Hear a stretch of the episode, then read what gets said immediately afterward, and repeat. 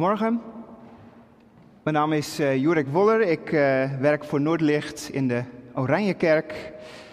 Um, en vandaag mag ik hier voorgaan en overigens ook in de Oranjekerk. Dus dat is gelijk al even een. Uh, nou, weten jullie dat? Na de preek ga ik snel op mijn fiets verder naar de Oranjekerk en zal Tom verder het gebed en de zegen doen.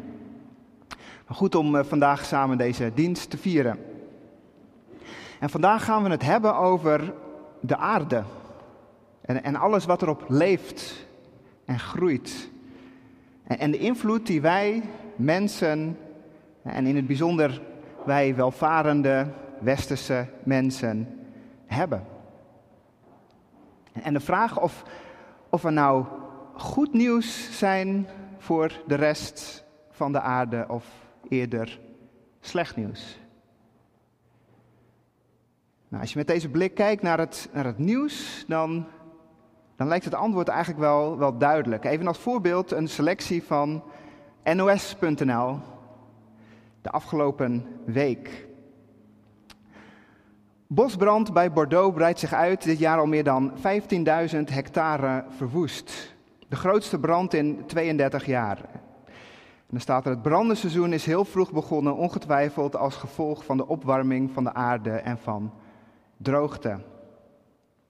Volgende. Brand Yosemite Park in Californië breidt zich uit. Reuzen sequoia's bedreigd. Dat zijn duizenden jaren oude, enorme bomen. Klimaatverandering leidt in Californië steeds vaker tot natuurbranden waar ook sequoia's niet tegen bestand zijn. Volgende. Slacht dolfijnen op Faroe-eilanden beperkt tot 500 dieren. Bij de traditionele dolfijnenjacht werden vorig jaar nog een recordaantal van ruim 1400 dieren gedood. Volgende. Waarom het Noordpoolgebied veel sneller opwarmt dan de rest van de wereld. Een grote wetenschappelijke expeditie die verlaat vandaag, dat was eh, woensdag geloof ik, de bewoonde wereld op Spitsbergen naar de snelst opwarmende plek op aarde. Wereldwijd is de temperatuur met 1,2 graden gestegen maar op Edgeia is de stijging al 6 graden. Volgende. Laatste vermiste dood gevonden na afbreken gletsjer Italië. Reddingswerkers hebben in Italië het elfde en laatste slachtoffer geborgen bij de afgebroken Marmolada gletsjer, wat tot een aardverschuiving leidde. Waarschijnlijk is de gletsjer afgebroken door het uitzonderlijk warme weer van de afgelopen tijd. En dan is er nog een terugblik op de overstromingen in Nederland, België en Duitsland van een jaar geleden door extreem harde regen. Ook weer gelinkt aan klimaatverandering. Zomaar wat nieuwsberichten op één website in één week tijd. En je wordt er niet vrolijk van. En was er dan echt geen goed nieuws op dit vlak? Nou, ik heb even gezocht en ik kwam er één tegen in, de, in een krant iets eerder dan die week, maar de, trouw van vorige week donderdag. Er staat, de vinvis is na 40 jaar weer helemaal terug bij Antarctica. Er zwemmen weer grote groepen vinvissen in de zee bij Antarctica. En Duitse wetenschappers die vonden een groep van 150 vinvissen, enorme walvissen die plankton eten. En dat is bijzonder, want in een eeuw tijd zijn er in de Zuidpoolzee zo'n 700.000 vinvissen gedood totdat er nog maar ongeveer 1% overbleef. En 50 jaar geleden is besloten om de jacht te verbieden en nu zien we daar dan de vruchten van. Zijn wij mensen goed nieuws voor de aarde? voor de andere wezens met wie wij de planeet delen? Het antwoord lijkt helaas nee. Met soms dus gelukkig een uitzondering. En we gaan uit de Bijbel lezen, twee stukken. Eén uit Genesis, helemaal het begin van de Bijbel, en de andere uit het Marcus-evangelie, over Jezus en zijn leerlingen. Maar eerst dus Genesis. En dat begint met een verhaal over de, de schepping van, van alles. Van de hemel en aarde, van, van licht en duisternis, van de zon, de maan, de sterren. De, de scheiding tussen water en land, en van al het groen dat, dat groeit op het land. En dat alles wordt verdeeld over zeven dagen. Zes voor, voor het scheppingswerk en dan de zevende om te rusten. En vandaag lezen we over de vijfde en de zesde dag. Dus de laatste twee dagen waarin God alles maakt. Genesis 1, vers 20 tot en met 31. God zei: Laat het water wemelen van levende wezens. En laten er boven de aarde langs het hemelgewelf vogels vliegen. En God schiep de grote zeemonsters en alle soorten levende wezens, waarvan het water wemelt en krielt. En alle soorten vogels, alles wat vleugels heeft. En God zag dat het goed was. God zegende ze met de woorden: Wees vruchtbaar en word talrijk en vul het water van de zee. En ook de vogels moeten talrijk worden, overal op aarde. Het werd avond en het werd morgen, de vijfde dag.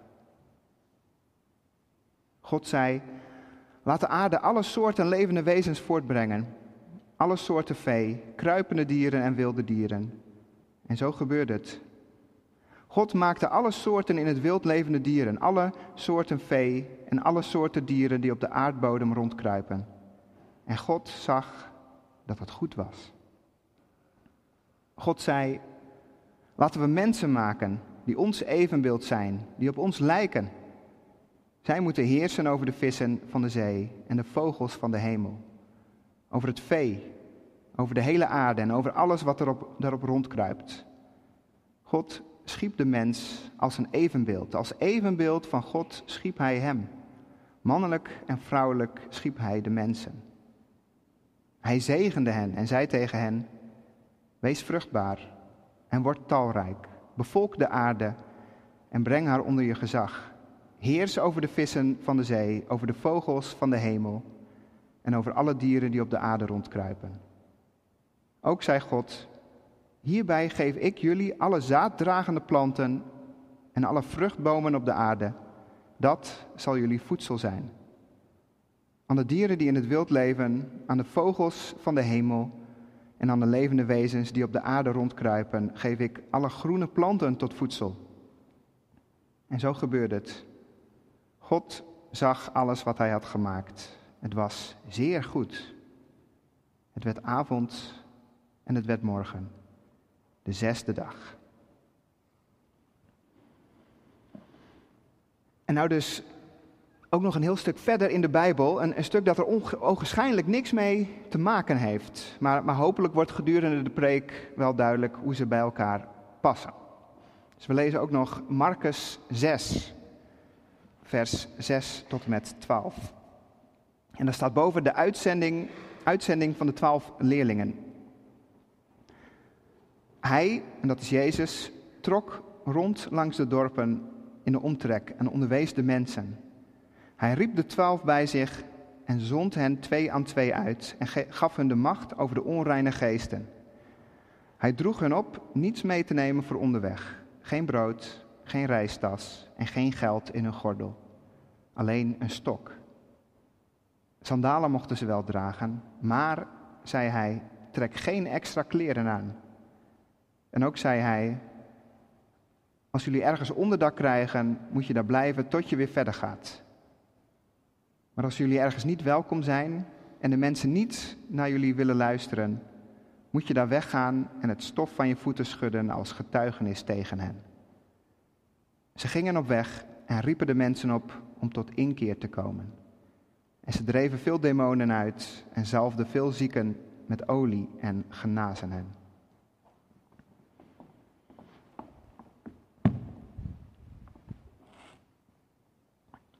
Twee passages die, die ons iets te zeggen hebben over, over hoe we kunnen omgaan met de aarde. En voor we dieper ingaan op wat dat ons dan te zeggen heeft, is het denk ik goed om even stil te staan bij de vraag: wat hebben we nou eigenlijk net gelezen? Het staat allebei in de Bijbel, maar moeten we het ook op dezelfde manier lezen? Ik denk het niet. De, de Bijbel is niet één homogeen boek. Het is, het is een verzameling boeken. 66 in totaal. Met elk hun eigen karakter. En het is goed om dat in je, in je achterhoofd te houden als je het leest. zo kun je Marcus 6 zien als een ooggetuigenverslag van Jezus' leven op aarde. Hij vertelt door de mensen die het van dichtbij hebben meegemaakt en, en opgeschreven door iemand uit de naaste kring. En dan is Genesis 1 toch echt iets anders. Ja, dat spreekt toch voor zich dat, dat het geen ooggetuigenverslag kan zijn. Ja, aan het begin waren er immers nog geen mensen. En dan zijn er nog wat zaken die voor veel mensen ingewikkeld zijn. De, de aarde geschapen in zes dagen. En een, een kosmologie die niet echt overeenkomt met, met onze huidige kennis op dat vlak. Ja, als je dat letterlijk opvat, dan, dan wordt het ingewikkeld. Maar het is natuurlijk de vraag of we het wel letterlijk moeten lezen. Ik denk het niet. Het is ook maar de vraag of de originele lezers het zo letterlijk opvatten. Het, verhaal valt in de categorie van de scheppingsmythen. En dat betekent niet dat het maar een, een verzonnen verhaal is, een, een sprookje of zo. Nee, maar het is ook geen natuurkunde. Het is veel meer poëtisch, beeldend en als een soort schilderij in, in woorden over Gods liefdevolle, creatieve scheppingswerk. En, en zijn prachtige schepping. En, en onze plek daarin. En op die manier heeft het heel veel te zeggen over God en over zijn schepping. En als je zo naar Genesis 1 kijkt, dan, dan vallen een aantal dingen op. Vier dingen zal ik noemen. Gods betrokkenheid op, op elk deel van de schepping. Gods liefdevolle blik voor ieder stukje van zijn schepping. Gods zegen voor al zijn schepselen. En Gods opdracht voor al zijn schepselen en zeker voor ons. Dus deze vier zullen we verder uitpakken en dan staan we wat langer stil bij het laatste punt. Gods opdracht voor ons. Maar nu als eerste Gods betrokkenheid op ieder stukje schepping. En daar zit al enorm veel in. Ten eerste al de term schepping. Voor, alles wat er is. Alles wat we kennen. En natuurlijk, je zou ook prima universum kunnen gebruiken. Maar, maar in het woord schepping klinkt door dat er een, een maker is. Dat er iemand is die het gewild heeft, die het bedoeld heeft, bedacht heeft, gemaakt heeft. En dat is God. Het is misschien wel de meest basale boodschap van Genesis 1, maar, maar niet onbelangrijk en zeker niet nu. In deze tijd. Het, het is Gods schepping. En wat mij betreft is het helemaal geen probleem als blijkt dat, dat God alle wezens heeft geschapen door evolutie. Of al miljarden jaren bezig is met het perfectioneren van het universum. En mocht het uiteindelijk toch weer net anders blijken te zijn, prima. Veel belangrijker is het dat het Gods schepping is. En dat, dat Hij betrokken is op elk stukje, op elk plantje, op elk beestje. In het verhaal van Genesis 1 klinkt, klinkt een enorme betrokkenheid door. Met, met oog voor elke diersoort, elke vis, elke vogel. In onze vertaling is het niet zo, zo zichtbaar, maar in het Hebreeuws staat er steeds bij iedere diersoort die geschapen wordt een woord dat je kunt vertalen met naar hun soort. God schiep de vogels naar hun soort. Je ziet erin dat, dat God is betrokken op iedere soort vogel, iedere soort vis. En ga zo maar door. Als tweede dan, God kijkt naar iedere soort met een liefdevolle blik. Gods liefdevolle blik voor, voor ieder stukje schepping. Iedere keer als er weer een stuk klaar is, staat er, en God zag dat het goed was. Ik vind dat zo'n prachtig zinnetje. God zag dat het goed was. Misschien herken je het wel. Zo'n zo'n moment dat, dat je een prachtig uitzicht hebt. Met een schitterende lucht en, of, of een bijzonder mooi landschap. Ergens buitenuit op, op vakantie of, of gewoon vlakbij huis.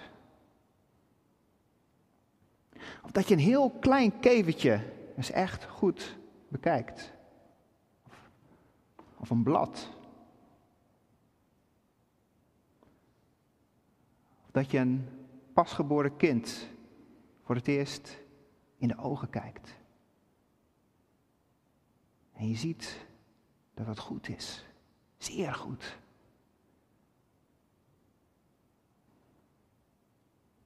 Gods liefdevolle blik is er voor heel zijn schepping. Voor alles wat er is. En in Genesis 1 lezen we dat, dat toen alles compleet was, zag God dat het zeer goed was. Zeer goed. Ik denk dat dat nog steeds de blik van God is. Hè? Vol, vol liefde, vol, betrokkenheid. En dat komt denk ik ten diepste tot uiting in het volgende, het derde punt. Gods zegen. Gods zegen voor, voor al zijn schepselen. Zegen, het, het toewensen, het, het geven van, van goede dingen, van, van vruchtbaarheid, van voorspoed, van groei, van bijzondere kracht, van tevredenheid, van tot je recht komen van geluk. Allemaal dingen die, die gevat worden in dat woord zegen. En twee keer wordt het genoemd in Genesis 1. En als eerste is het voor de dieren. God zegent de zeedieren, groot en klein, en de vogels. En God zegent de mens. Nou, dan is het denk ik niet gek om aan te nemen dat, dat God dan de andere dieren daartussenin ook zegent, de landdieren. Dus God zegent alle levende wezens, al zijn schepselen. En God zegent vaak. Helemaal aan het begin van de Bijbel dus, in Genesis 1 en, en ook helemaal aan het einde. In openbaring. Het allerlaatste zinnetje van de Bijbel is een zegen.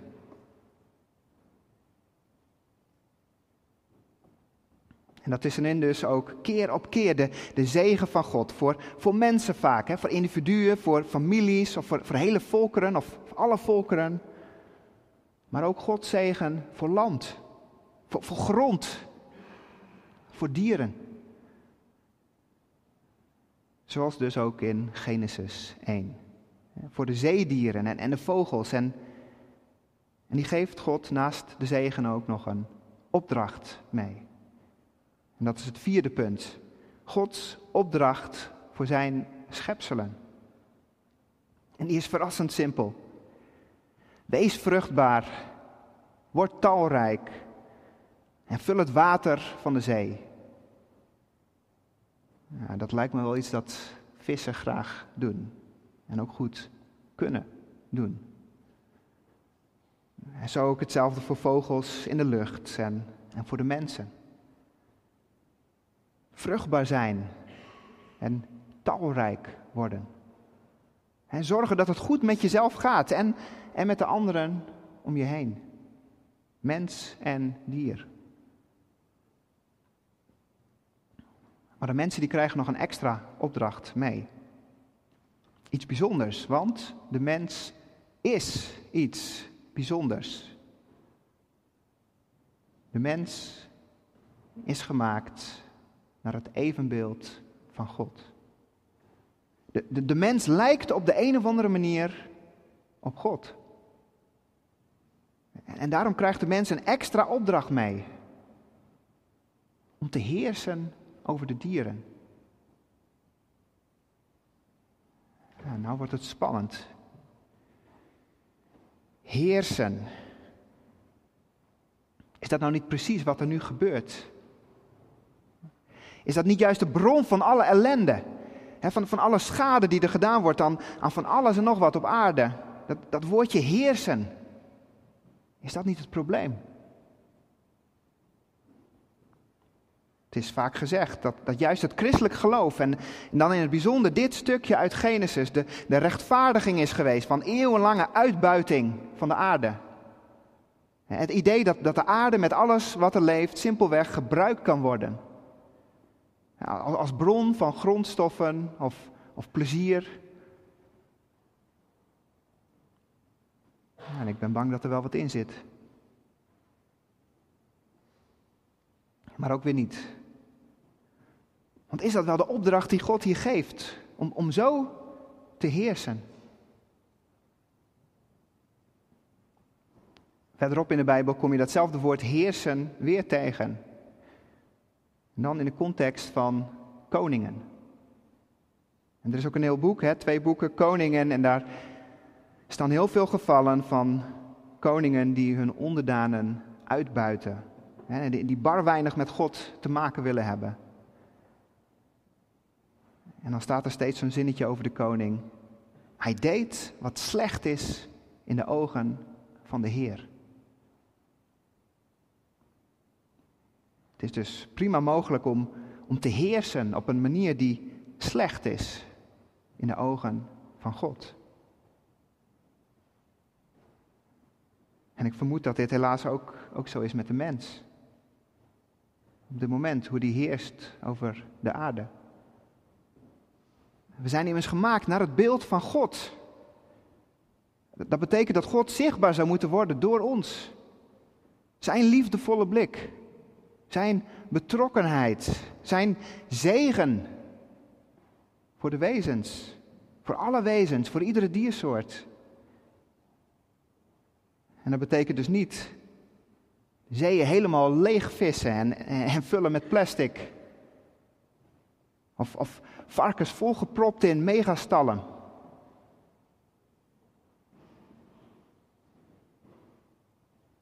We zijn geroepen om op God te lijken, om, om te heersen over de dieren zoals Hij heerst.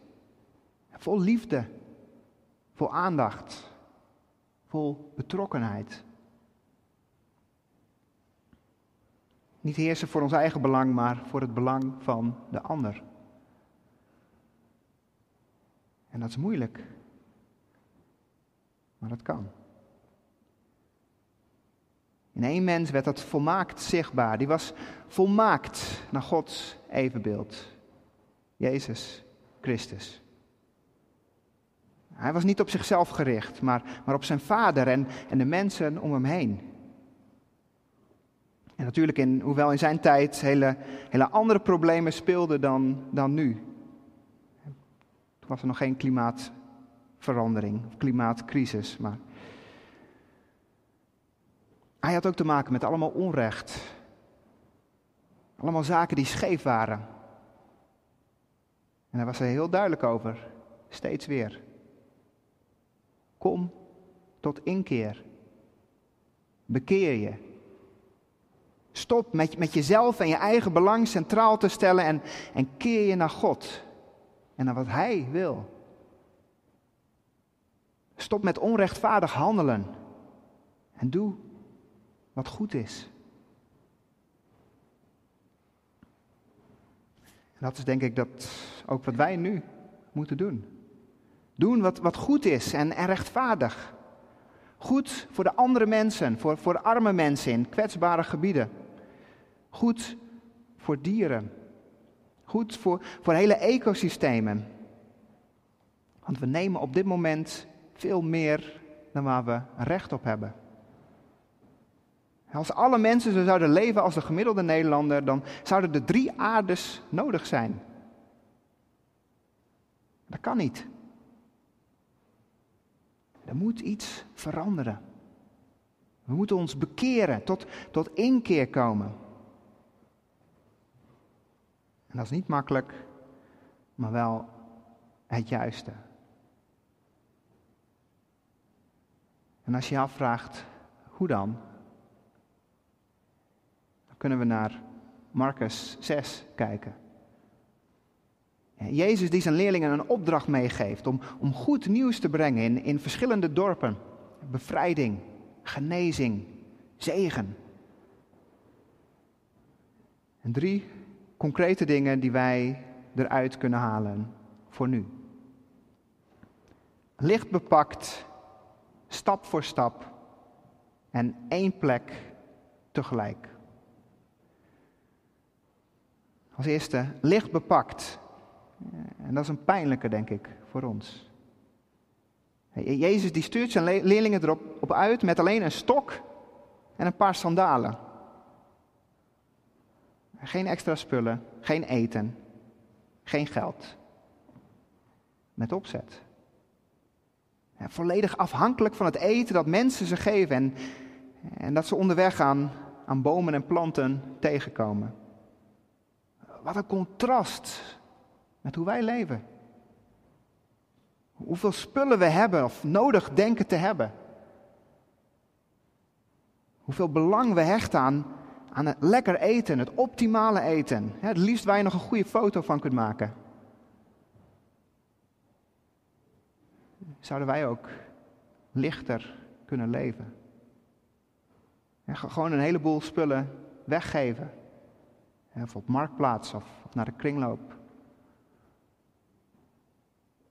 En twee keer nadenken voordat je iets nieuws koopt. Zouden wij ook lichter kunnen eten? minder vlees, minder zuivel. Er wordt heel wat regenwoud voor gekapt. misschien wel alleen maar plantaardig. Dat is het dieet van Genesis 1 dat, dat God aan de mensen geeft. Ik ben zelf nu een tijd, een paar jaar vegetariër en, en ik probeer vooral plantaardig te leven. En ja, mijn keuzevrijheid is iets minder. Maar ik weet niet of dat nou echt een nadeel is. Ik vind het ook wel makkelijk. Misschien is het zelfs wel een voordeel. Dat geldt denk ik misschien wel met, met meer. Als je lichter gaat leven, het is, het is eigenlijk ook best goed en makkelijk voor jezelf. Als tweede dan, stap voor stap. Trager leven. De leerlingen van Jezus die wandelen van dorp naar dorp. Die, die blijven daar vaak genoeg plakken. Wat een, wat een contrast met ons leven, met, met de snelheid waarmee we van het ene naar het andere racen. zelfs met vakanties die, die rust zouden moeten brengen. Een aantal jaren geleden dacht ik dat ook. Zoveel mogelijk ervaringen halen uit mijn beperkte aantal vakantiedagen.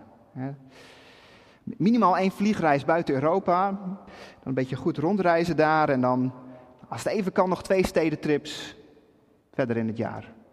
Met een of andere goedkope vliegmaatschappij. dat vond ik normaal. Maar is dat het ook? Of kan het ook anders, trager, simpeler? En misschien rustig met de trein, zodat je het landschap ook kunt zien.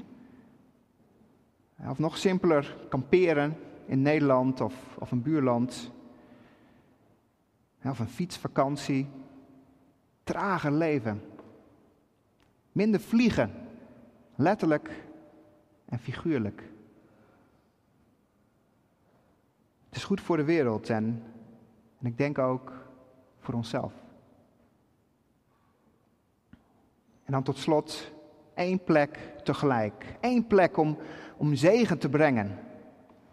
Tegelijk. De, de, leerlingen die trokken er bewust op uit om, om goed te doen, om zegen te brengen in één dorp, één plek tegelijk.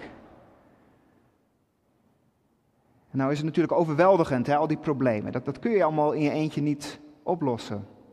Maar hoe mooi zou het zijn als we allemaal bewust iets goeds kunnen brengen voor de aarde. Gewoon één plek tegelijk, één ding. Of, of je nou je balkon omtovert tot een, tot een insectenparadijs, of misschien de tuin in de kerk. Of dat je helpt met afval opruimen op een strand, of in je straat. Of dat je in je bedrijf helpt om serieus energie te besparen. Of iets heel anders. Iets waarmee je omgeving tot zegen bent. Dat zou toch prachtig zijn? Lichter leven en trager leven. Zodat je meer tijd en ruimte hebt om, om die prachtige schepping van God te zien. Om, Gods liefde en betrokkenheid erin te herkennen. En om het net als God te kunnen zegenen. En dat alles in het vertrouwen dat, dat Gods zegen voor ons en, en voor zijn hele schepping blijft. Amen.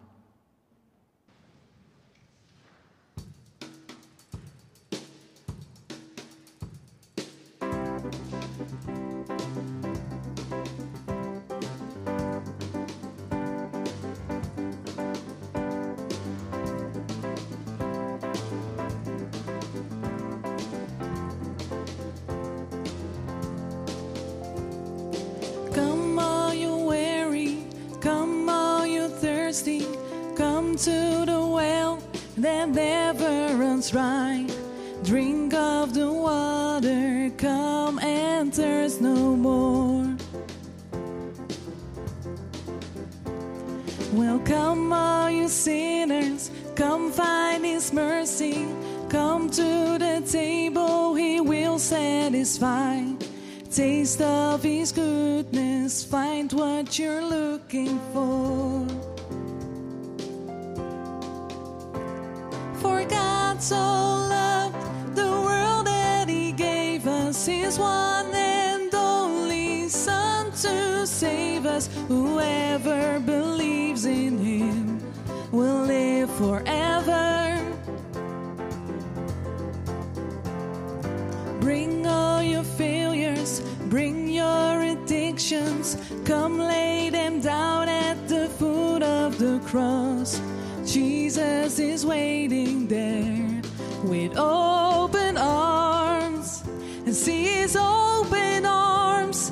For God so loved the world that he gave us his one and only Son to save us. Whoever believes in him will live forever.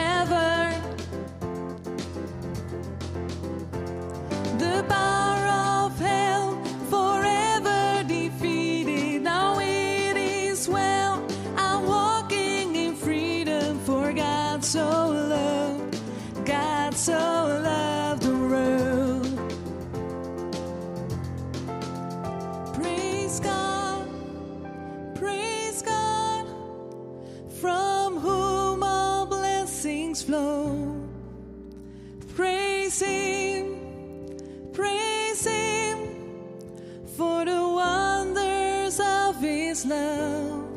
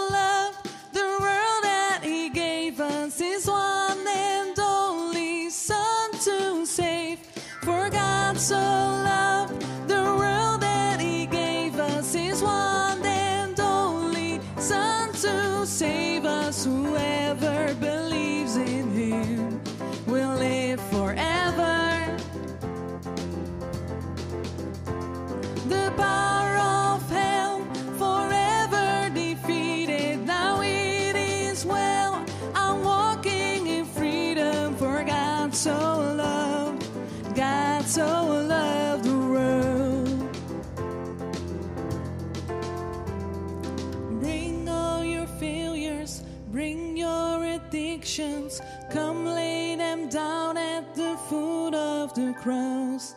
Jesus is waiting. God so loved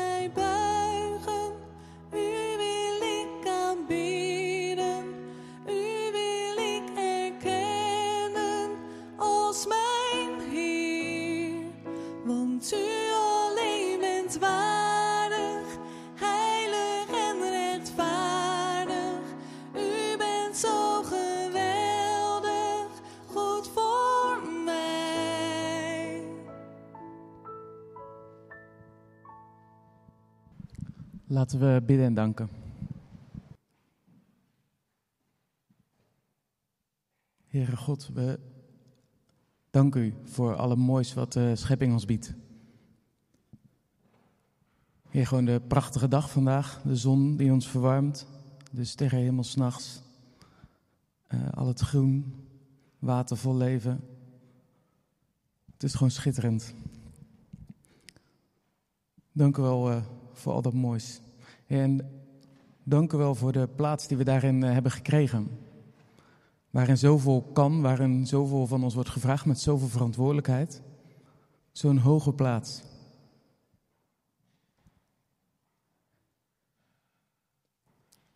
Maar we zien ook dat, het, eh, dat dat niet goed gaat. En daarom bidden we u voor eh, deze aarde, voor alles wat erop leeft. Op plekken waar, wa- wa- met de extreme, plekken waar het gewoon extreem droog is, waar honger eh, wordt veroorzaakt, zoals in de Hoorn van Afrika. Of plekken waar overstromingen zijn, extreem weer. Heer, dank u wel voor de spiegel die ons vanmorgen is voorgehouden. Dat wij eh, daar verantwoordelijk voor zijn. En dat wij dus ook een taak hebben om dat goed te doen. En we bidden u of u ons als individu, als individuen, of u ons als, als christenen, eh, als Noorderlicht en als eh, christenen wereldwijd, als kerk wereldwijd, hierin eh, wilt, ehm, wilt helpen en wil zegenen dat wij het verschil maken en dat wij eh, goed doen voor deze wereld. Heer, we bidden u ook voor plaatsen waar, waar mensen, ehm, ja, waar groot lijden is, waar mensen lijden zoals ehm, op plekken waar oorlog is, in, in Jemen of in Oekraïne. Plaatsen waar, eh, ehm, waar mensen onderdrukt worden om wat ze zeggen of om wat ze geloven. Dat u daar kracht geeft, Heer, en moed. En geef verandering.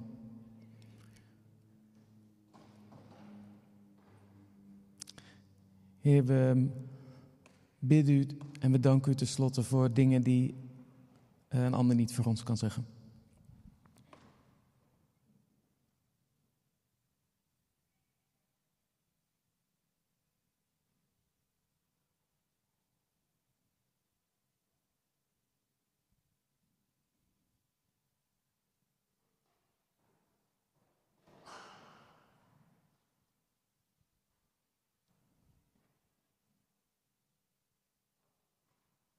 Zo bidden we u en danken we u. In Jezus' naam. Amen.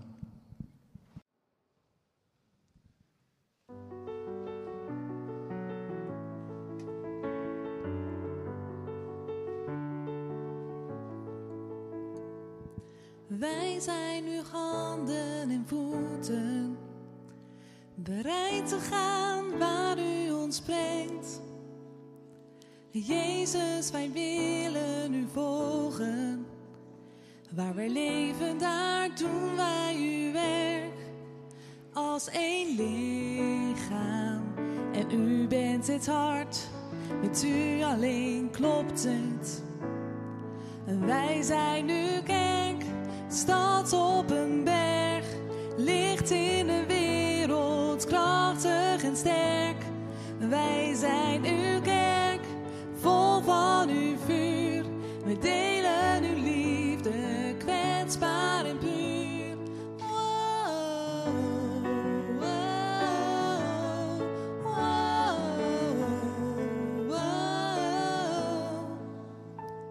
We spreken niet altijd met woorden, onze daden die laten u zien. Door ons heen is uw liefde te horen. Als wij steeds meer gaan lijken op u, wij leven voor u, Jezus.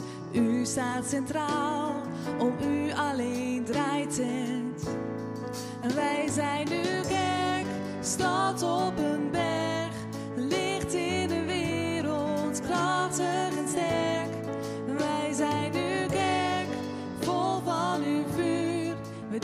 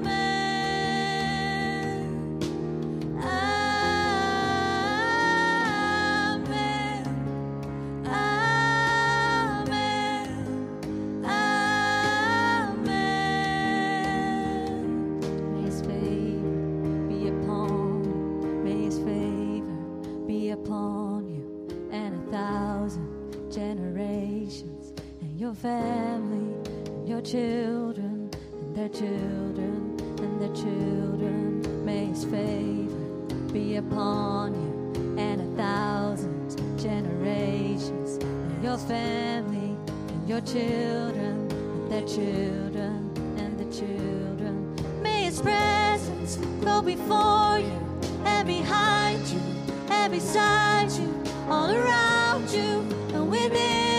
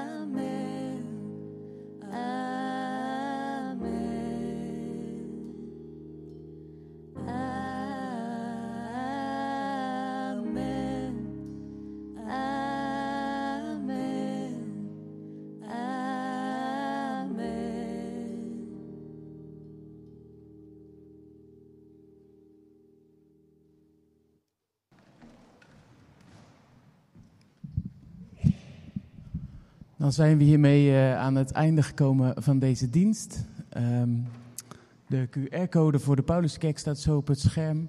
En eh, eh, voel je ook van harte welkom om nog even koffie te blijven drinken. En dan kan je gelijk ehm Wubbo nog even feliciteren, want hij is hier bij ons. Ehm, laten we vragen om de zegen.